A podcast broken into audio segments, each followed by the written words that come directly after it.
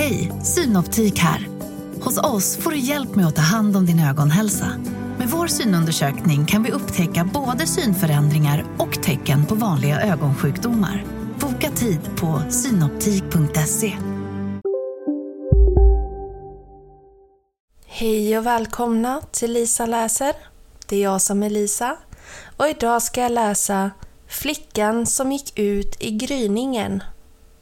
Det var en gång en flicka som gick ut i gryningen för att tvätta ansiktet i morgondaggen så att hon skulle bli ännu vackrare.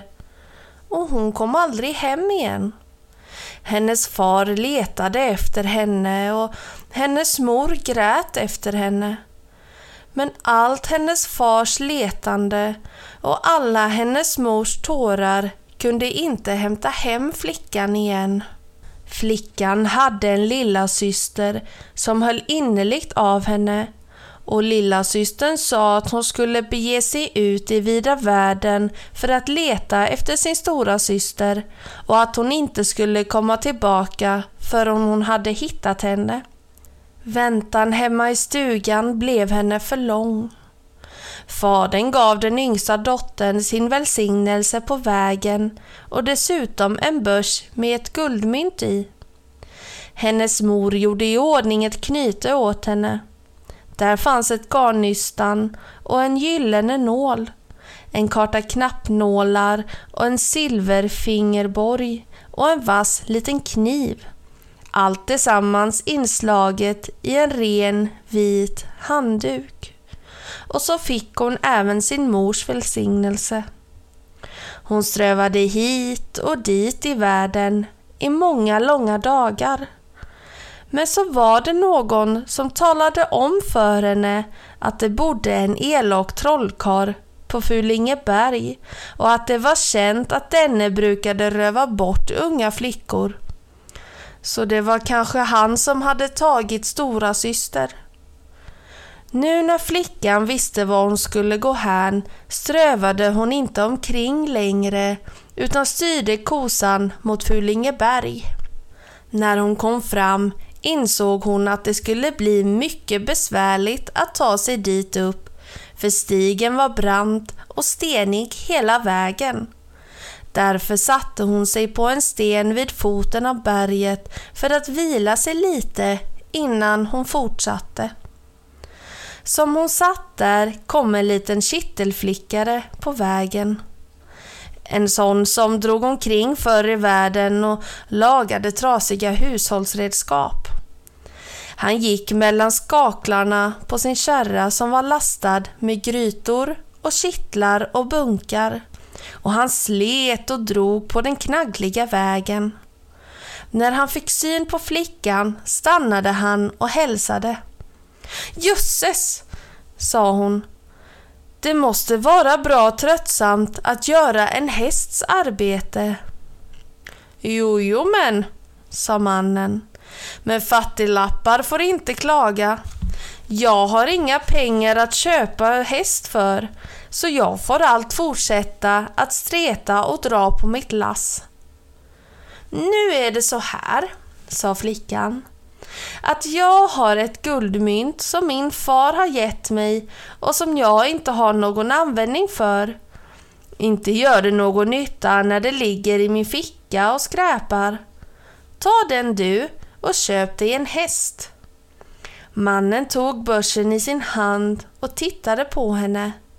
Jag har dragit det här lasset i många dagar, sa han. Och fastän jag har mött många på min väg så är det ingen som har gett mig så mycket som ett litet vänligt ord. Om du tänker gå till trollkarens slott uppe på berget så ska jag ge dig ett råd på vägen. Det som du ser och hör är inte vad det syns att vara. Och det är bättre om du går tillbaka dit du kom ifrån för att trollkaren där uppe på berget kommer förtrolla dig om han kan. Men jag tvivlar på att du tänker lyda mitt råd.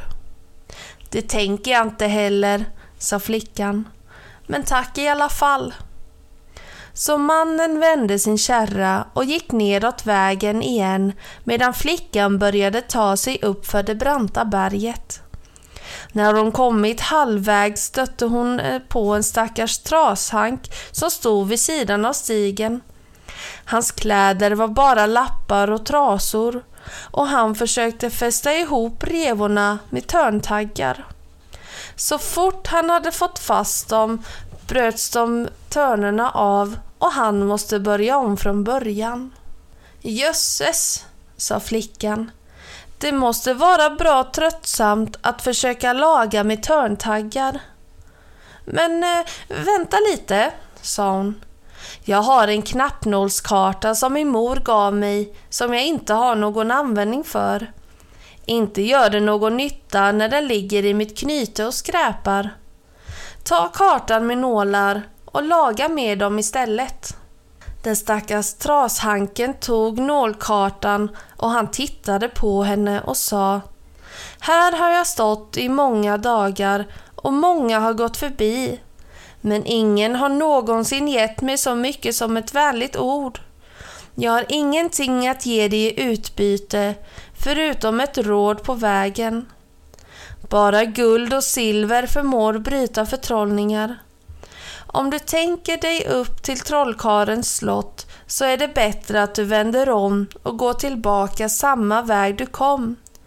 För han är en förskräckligt elak trollkar och han kommer att förtrolla dig om han kan.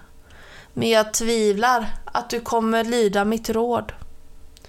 Det tänker jag inte heller, sa hon. Men tack i alla fall. Hon gick från den stackars trashanken där han stod och lagade sina kläder med nålarna och fortsatte upp mot bergets topp. När hon kom upp på berget så fanns trollkarens slott där på andra sidan en stor borggård som var omgiven av en hög stenmur. Hon öppnade grindarna, gick rätt över borggården och knackade modigt på slottets port. Trollkaren själv kom och öppnade. Så fort flickan fick syn på honom förstod hon att det måste vara han. För hans ansikte var det elakaste hon hade sett. Men han talade hövligt till henne och frågade varför hon hade kommit. Ja, jag skulle vilja ha tillbaka min stora syster, sa hon. Det sägs att du har fört henne hit. Kom in, sa han och slog upp porten på vid gavel. Jag ska se om jag kan hitta henne. Han förde henne in i ett rum och lämnade henne där. Och dörren stängde han efter sig. Flickan tittade sig omkring i rummet. Men där fanns inte ett spår av hennes syster någonstans så hon satte sig ner och väntade. Rätt som det var hörde hon knastret av lågor och rummet fylldes av rök. Lågorna slog mot henne från väggarna och hon kunde känna hettan från dem. Jösses! skrek hon. Slottet brinner! Hon skulle just hoppa upp ur stolen och springa ut ur rummet när hon kom ihåg vad kittelflickaren hade sagt. Det som du ser och hör är inte vad det synes vara. Och då sa flickan för sig själv. Äsch, det är förstås bara någon av trollkarens konster. Så hon struntade i röken och flammorna och då försvann de. Hon satte sig i stolen och väntade ett tag till. Och då fick hon rätt som det var höra en röst som ropade och grät. Det var hennes stora systers röst och rösten ropade hennes namn. Flickan hoppade upp ur stolen, redo att rusa iväg och leta efter sin syster. Men så kom hon att tänka på kittelflickarens ord igen. Det som du ser och hör är inte vad det synes vara. Hon sa Äsch, det är säkert bara trolleri igen. Men rösten fortsatte att ropa på henne och det var svårt för henne att låta bli att rusa iväg för att ta reda på vart det kom ifrån. Då tog hon upp garnnystandet ur sitt knyte och band fast sin arm vid stolen och hon surrade och surrade tills hon hade använt hela nystandet. Nu var hon trygg, för hur hon än slet och drog höll garnet henne fast. Efter ett tag slutade rösten att ropa på henne. Snyftandet tog bort och det blev tyst. Då tog flickan fram den lilla kniven och skar loss sig själv från stolen. Strax därefter kom trollkaren tillbaka och när han fick se henne sitta där och vänta såg han förvånad och inte särskilt belåten ut. Men han sa åt henne att följa med så kanske de skulle kunna hitta systern.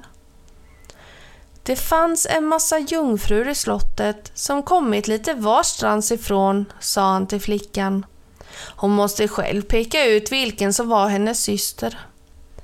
De gick till ett annat rum och när flickan kom in där bara tvärstannade hon och stirrade. Det fanns ingenting i rummet utom sju vita statyer. Varenda en av dem var vit som snö från gässa till fot och de var lika som ärtor och varenda en av dem var en avbild av hennes syster. Välj ut din syster, sa trollkaren med ett elakt leende och sen är det bara att ta henne med dig. Han trodde naturligtvis att hon aldrig i livet skulle klara det. Flickan gick fram och tillbaka framför statyerna och kunde inte för sitt liv säga vilken av dem hon skulle välja. Tills i stod hon bara där med hakan stödd i handen och funderade över vad hon skulle göra härnäst. Då kom hon ihåg rådet som trashanken hade gett henne i utbyte mot nålkartan.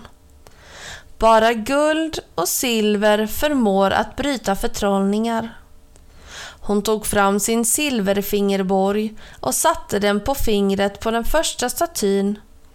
Hon hade inte mer än gjort det förrän fingerborgen blev svart som sot. Det var inte alls hennes syster. Sen prövade hon på den ena efter den andra av statyerna och fingerborgen fortsatte att vara svart som det svartaste sot. Ända tills hon kom till den sista i raden när hon satte fingerborgen på den sista statyns finger började den att skina så starkt att hon nästan blev bländad. Den här tar jag, sa hon till trollkaren och medan hon talade rörde sig statyn och hennes syster förvandlades till kött och blod igen med rosiga kinder och gyllene hår och klara blå ögon.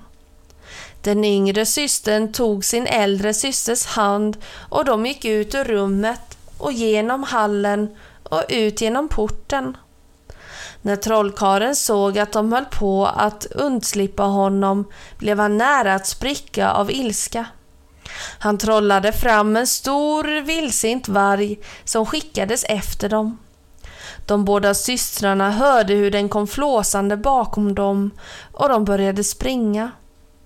De sprang snabbt som vinden, men vargen kom närmre och närmre.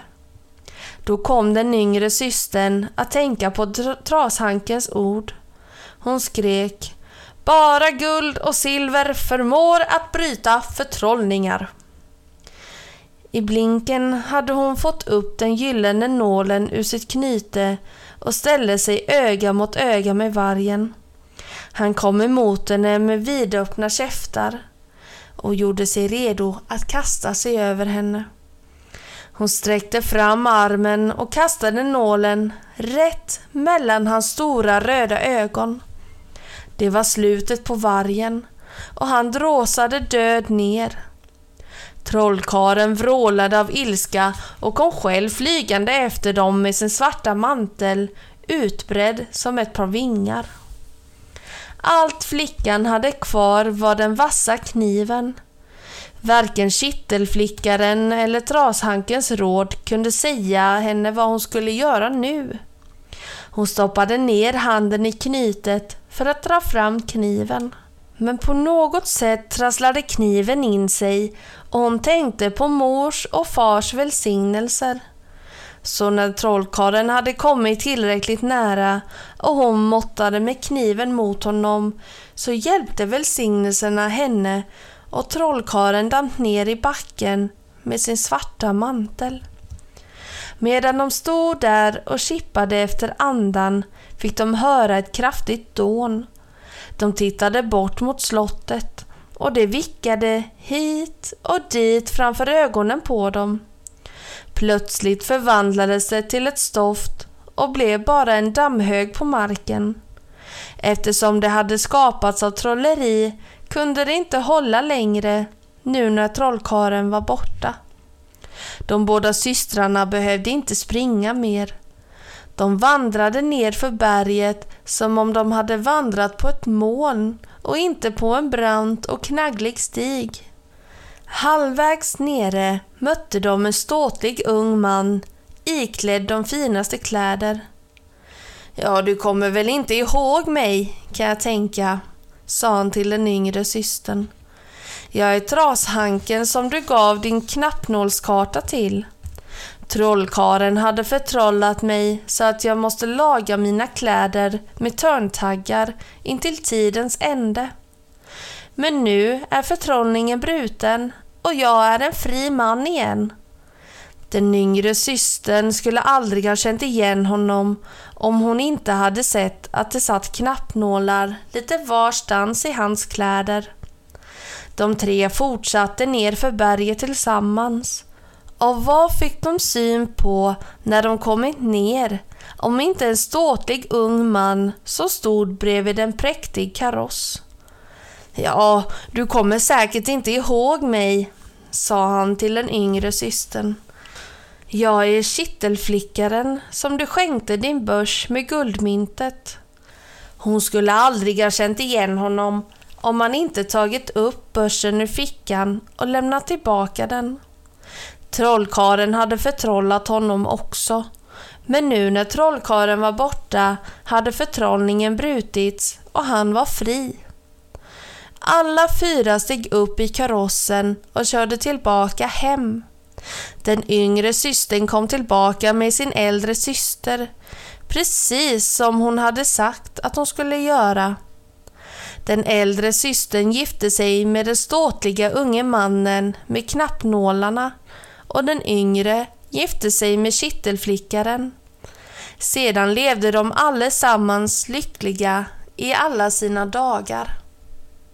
Och snipp, snapp, snut så var denna saga slut.